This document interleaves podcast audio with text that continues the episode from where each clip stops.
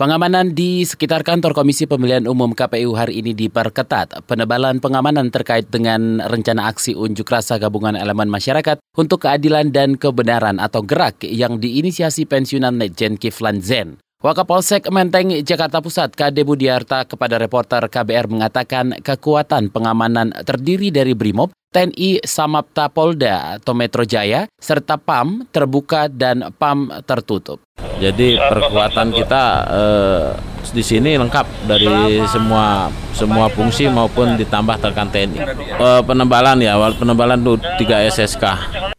Wakapolsek Menteng Jakarta Pusat KD Budiarta menambahkan sudah siap dengan segala kemungkinan yang terjadi dalam aksi unjuk rasa nanti, termasuk jika berakhir rusuh. Pantauan KBR hingga saat ini sejumlah personel dari Satuan Brimob mulai berjaga di, kan, di depan kantor KPU.